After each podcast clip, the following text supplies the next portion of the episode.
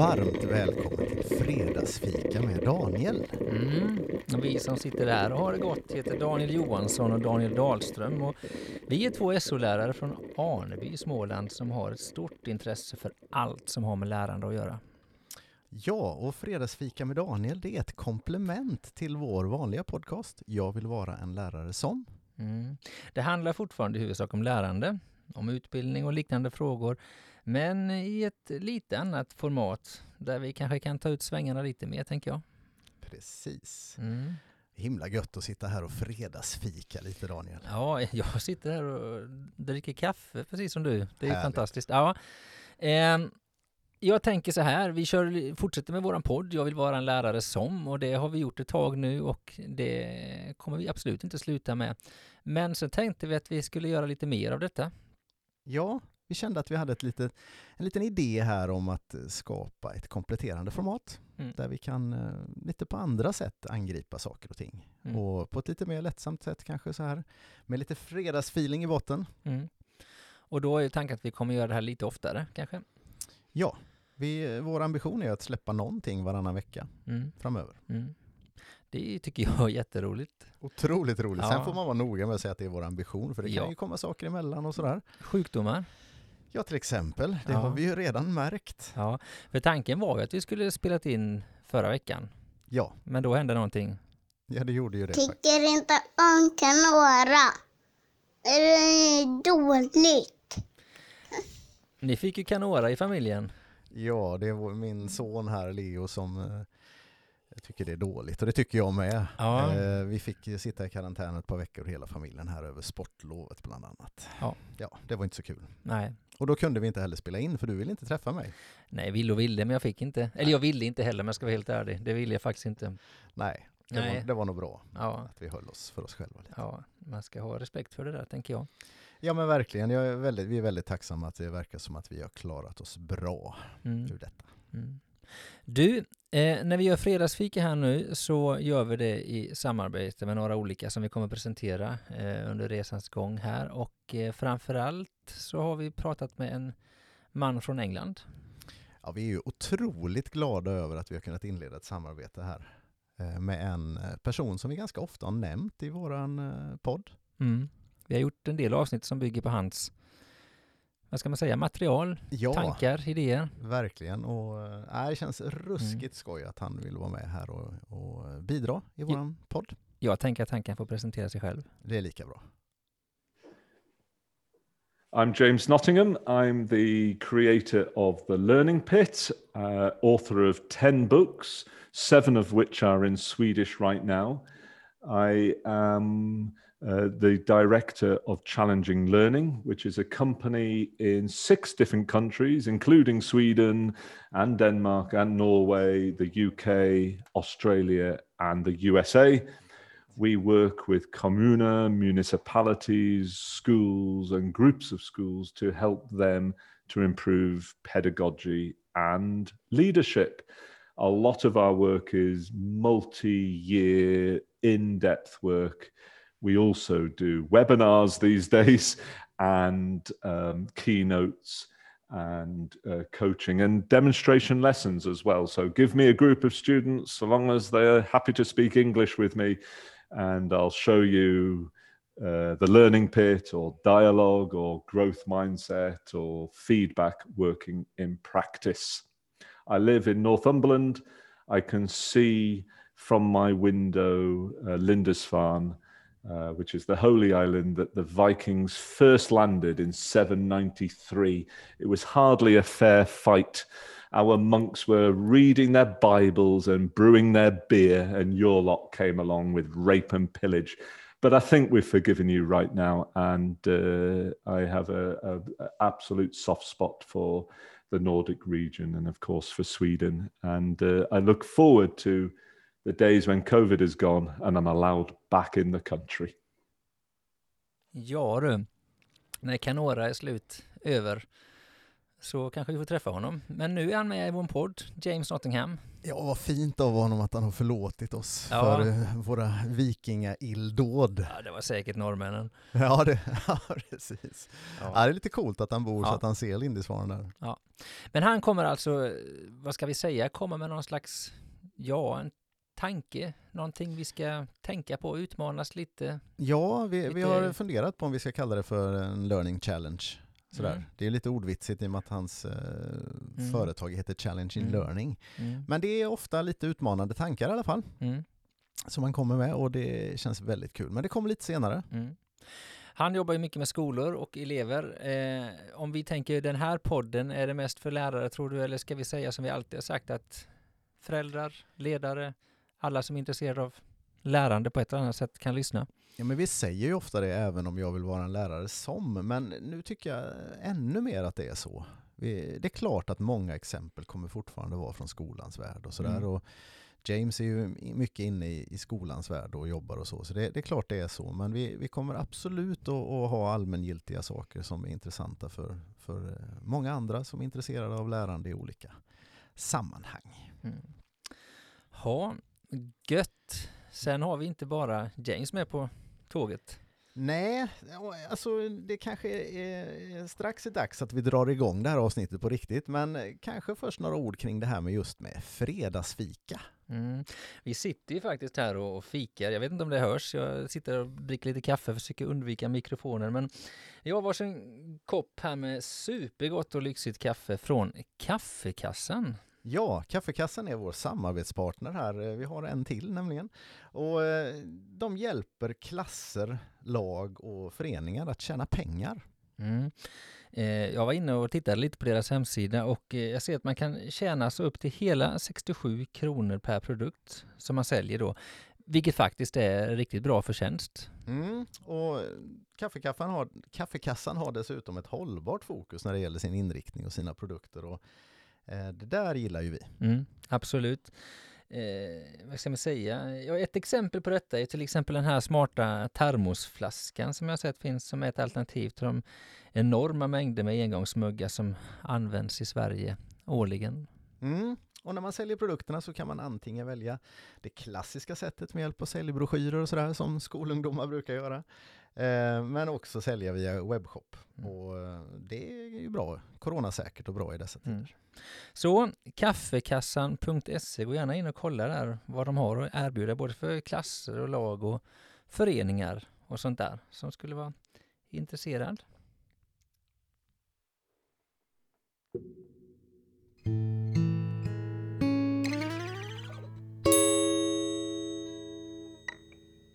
Jaha, vi tänkte så här att vi skulle ha med oss någonting att tänka på själva också och då har vi tänkt att vi ska dela upp det lite så att varannan vecka så har du tänkt till på någonting och varannan vecka har jag tänkt till och den här gången blev det din tur Daniel. Ja, eh, väldigt kul. Och det är ju så här att jag sitter och pluggar en del nu. Jag sitter och studerar lite, läser lite pedagogik och sådär.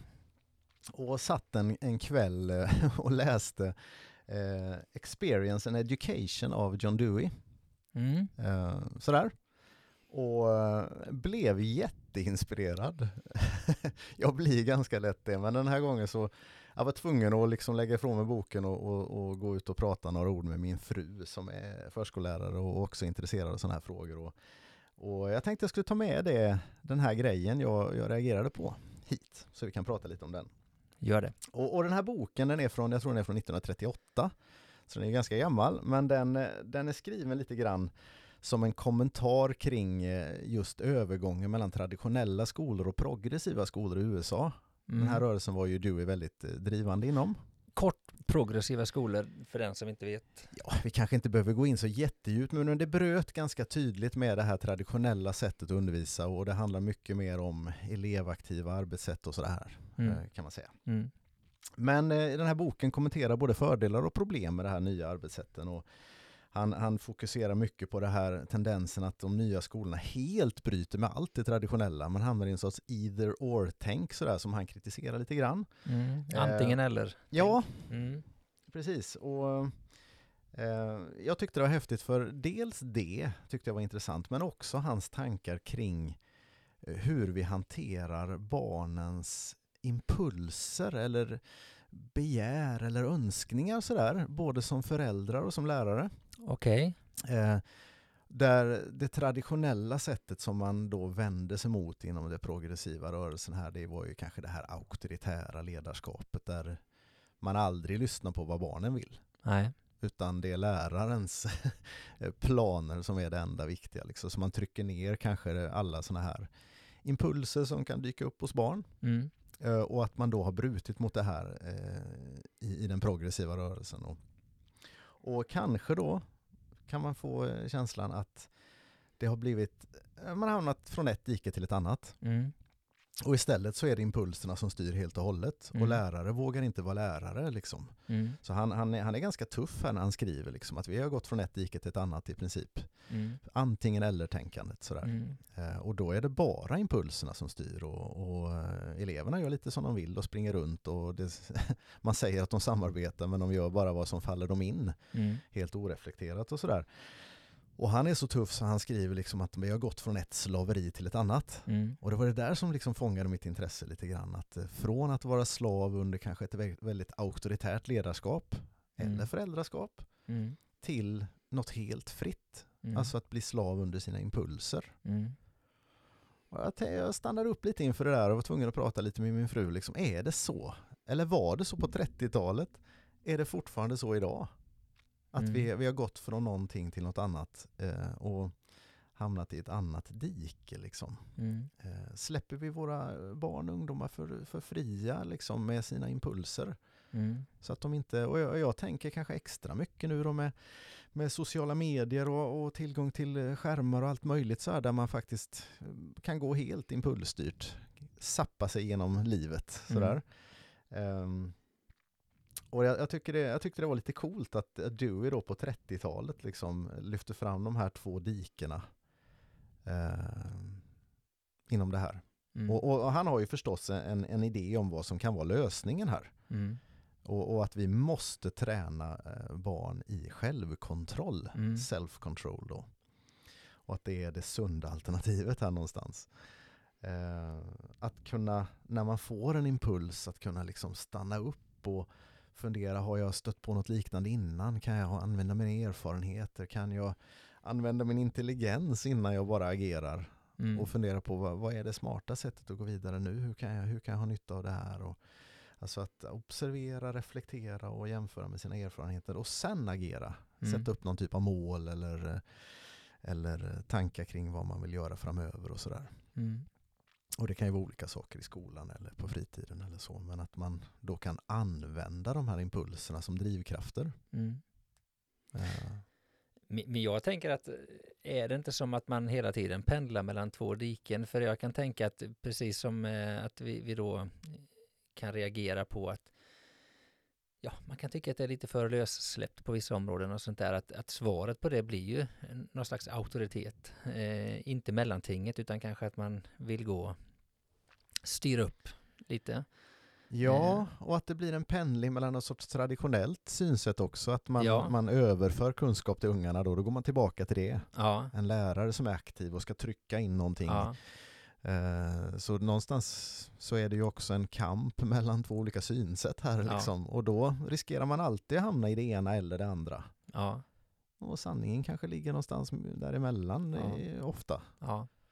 Men det är så viktigt att profilera sin, sitt synsätt kanske Ja. då. Eh, och sådär. Jag tycker också är intressant liksom att eh, hur, hur tror vi att kunskap blir till? Jag för mig vi pratade någon gång i något poddavsnitt om det var det här om forskning eller det var att det, eller det var kanske något annat. Vi pratade om det här med skyttegravskrig där man hamnar i olika diken och man kanske bara ser avarterna med det andra sättet att se och ser inte vägen emellan där utan att eh, man fördömer ett sätt att tänka bara för att man ser avarter Ja, som inte stämmer och sen så kanske man inte vill ta till sig något nytt för man ser avarterna i det istället och så här. Ja, och att man blir rädd, då, rädd för att kanske använda sig av någonting då som förknippas med det andra synsättet. Mm. Då vågar man inte vara alls auktoritär eller, liksom, eller ens leda lärandet som lärare kanske. Nej, Bara för att visa, jag är minsann ingen traditionalist. Nej. Liksom. nej. Och det där är ju så synd, för då kanske man går miste om den här gyllene medelvägen. Men jag, jag fastnar också i den här tanken, hur tränar man då unga människor i självkontroll? Ja, Hur gör man det? ja, Och det är inte så att han kommer med alla svar eller sådär, men, men att man då som, som ledare eller förälder kan någonstans ha det där fokuset i alla fall. ja. Att Jag tänk- försöka. ja. ja. Nej, men jag tänker att det här är en demokratisk fråga också, tycker jag. Att, eh, hur ska jag säga, ibland kan man ju tycka att demokrati tar lång tid och det, vi, vi vill ha ett annat sätt att styra och så hamnar man i det andra diket att det här med självkontroll, det handlar ju lite om att kanske ge, eh, inte ge efter eh, alla impulser, men att, att låta impulser kanske bli någonting som får gro och Mm. eh, gärna förankras i det jag redan vet eller det jag kan. Det får gärna gå lite trögt. Mm. Och det är väl det som ibland kan kännas som ett hot mot demokratin, tänker jag, att det inte får gå trögt någonting. Det, Ja men precis. Och, ja, men, och att vi som föräldrar och, och, och ledare eller lärare och sådär, måste kunna se de här impulserna som, som potentiella drivkrafter. Att det är så vi ska se på det. Och vi, det är liksom, om vi trycker ner det, ja, men då går vi miste om de här drivkrafterna. Och, Mm. och släpper vi dem helt fria, ja, då blir det kaos. mm, Men om vi kan träna unga människor i mm. självkontroll, då kan det bli hur bra som helst. Det finns mycket att säga om detta. Eh, Kloka tankar ja, från 30-talet Ja. som utmanar eh, än idag. Ja. Väldigt eh, spännande tycker jag. Ja, tack.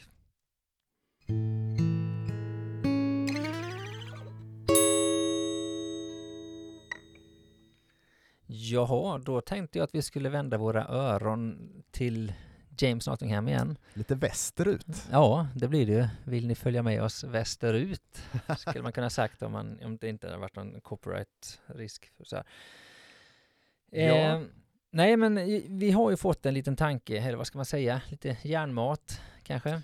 Ja men vi började ju prata lite med James där Mm. och, och, bad honom komma med någon typ av utmanande tankar. Sådär. Saker som kan vara relevanta för oss här som, som lärare kanske då eller som eh, föräldrar eller ledare eller vad vi nu är Mm. ehm, idag i Mm. Sverige. Mm. Och, och utifrån hans synvinklar då. Ja. Eh, utmana oss lite grann.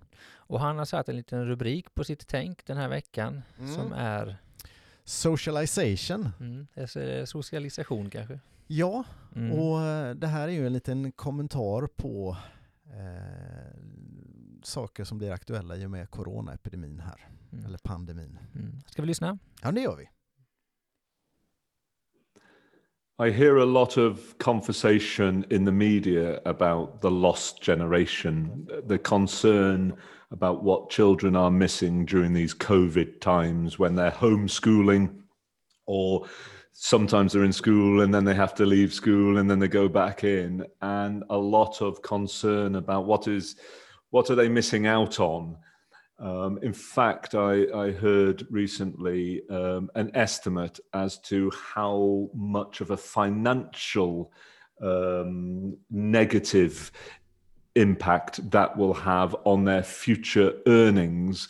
And of course, I bristled somewhat at that because there was this idea that school is purely and simply about preparing children for the world of work and earning money rather than, as we know, uh, education is so much more than that and it ought to be about the holistic and it ought to about, be about helping students to enjoy their lives there and then not waiting to work.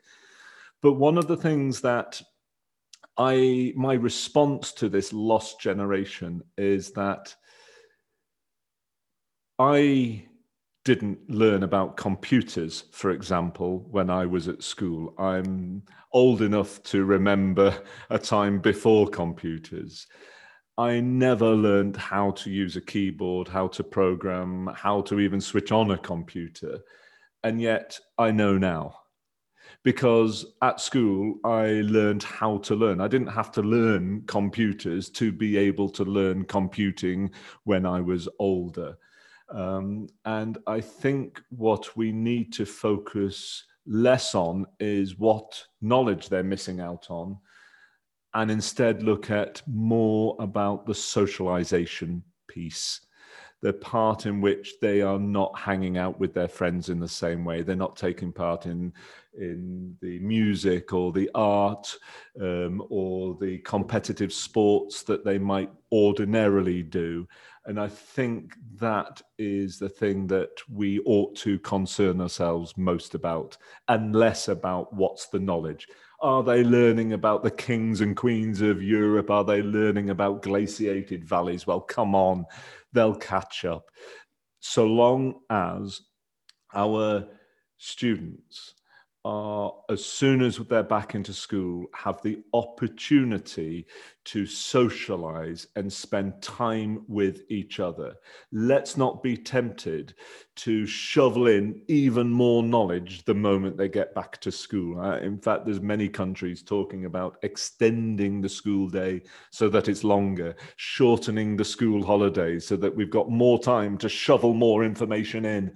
And I think that is a misplaced idea. I think much, much more important is about creating the opportunities for our students to catch up, so to speak, in that socialization that would be a normal part of schooling, to hang out with their friends, to get involved in the gossip of the day, to, to be kids, in effect. And it's interesting when you look at the research, most of the things we do in school are positive, but some of the negative factors, of course, bullying is one of the negative influences, and we all know that. But linked to bullying is if a student doesn't have a close friend, doesn't have a close confidant that will always be there for them, that becomes a negative. They don't have to be the most popular kid they don't have to be captain of the sports team.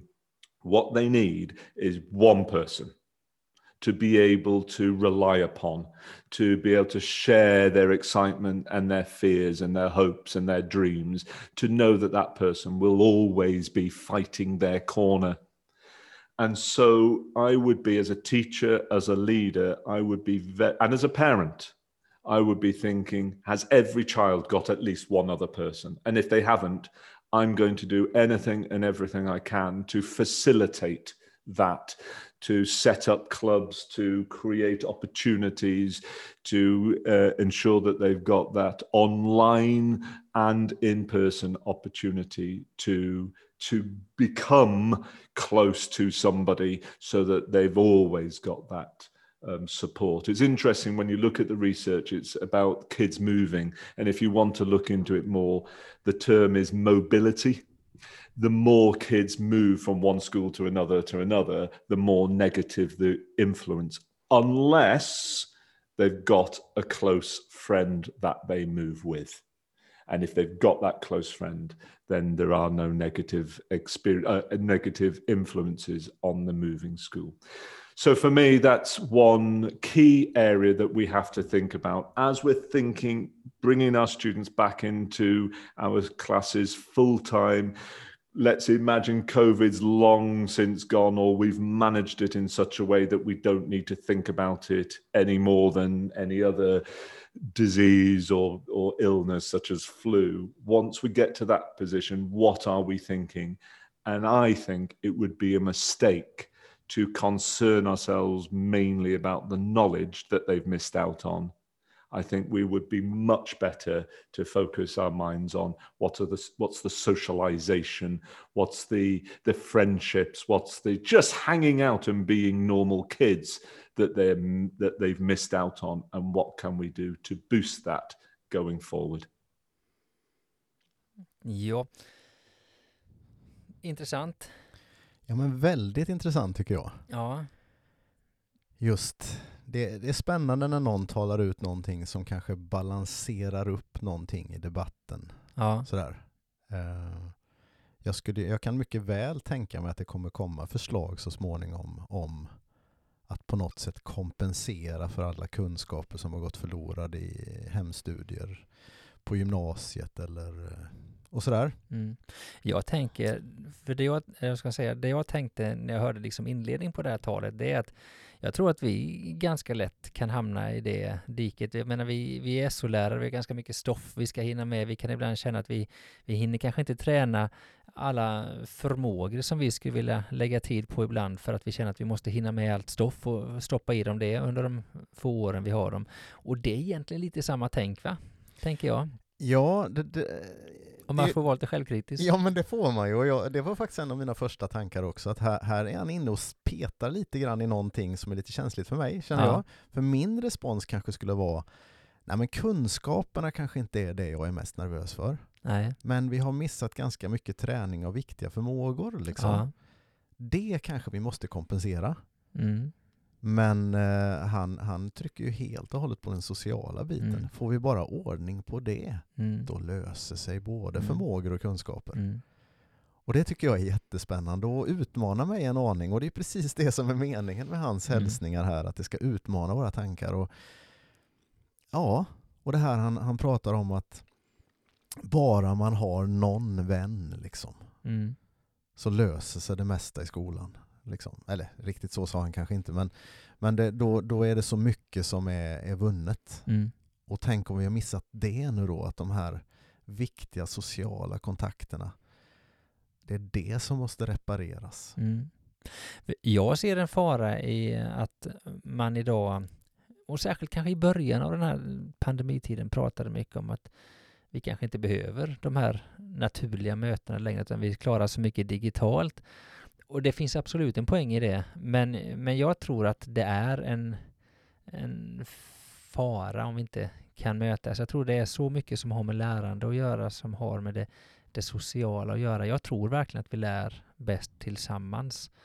Och det handlar inte bara om det här med socialisation, att ha en kompis, utan det handlar ju mycket också om det här att faktiskt lära av varandra. Men att lära är ju att lära i ett socialt spel. Alltså det handlar ju om, inte bara om att ha en kompis, utan det handlar om att kunna känna av människor, att kunna förhålla sig i mina åsikter. Vi var inne på det här med demokrati innan. Alltså demokrati är ju ett socialt spel där man måste ta hänsyn till varandras åsikter, hur man reagerar och sånt där. Så hela den här biten av socialiseringen tror jag inte vi kan lära om vi inte möts. Och det handlar inte bara om skolan. Jag tänker alla som jobbar hemifrån och som, som har mist kanske den kontakten, den här naturliga dagliga kontakten med, med Ja. arbetskamrater. Ja, Eh, hur mycket som kanske då, om man tar förlängningen på det han säger, om det är samma funktioner där då, ja, att det faktiskt är så mycket som går förlorat och att det där kanske företag också borde verkligen göra en, en, en satsning så småningom här när vi får börja träffas igen på att Ja. återuppbygga de sociala strukturerna på en Ja. arbetsplats och sådär för, för att få igång saker och ting sen. ja, Allt går inte att ersätta med digitala möten och det tror jag alla är överens om även om, om vissa saker kanske är kanon. mm. Och, och sådär. Det, är det är så mycket tankar som snurrar igång här. Och sen är det ju barn vi snackar om mycket här. De lär ju sig det sociala spelet. Många vuxna kanske kan det och det kanske är lättare att komma tillbaka. Eller har jag fel? Nej men det kan man ju verkligen tänka sig. Jag vet inte. Ja. Eh, Att det är ju en, en gradvis process. Givetvis. Mm. Och, och jag tänker så här, nu har vi lyssnat på detta, vi har reflekterat lite, vi får skicka ut den här tanken till er som lyssnar på podden här och Ja men vi vill ju liksom starta helgen här med lite, Ja. brain food. med lite food for thought. Liksom. Att, att ha lite att fundera på så här. Eh, fredagsfika, ja, visst, men också lite kluriga tankar och, och det här är något som kanske utmanar oss lite grann. Ehm, ja, spännande tankar. Mm.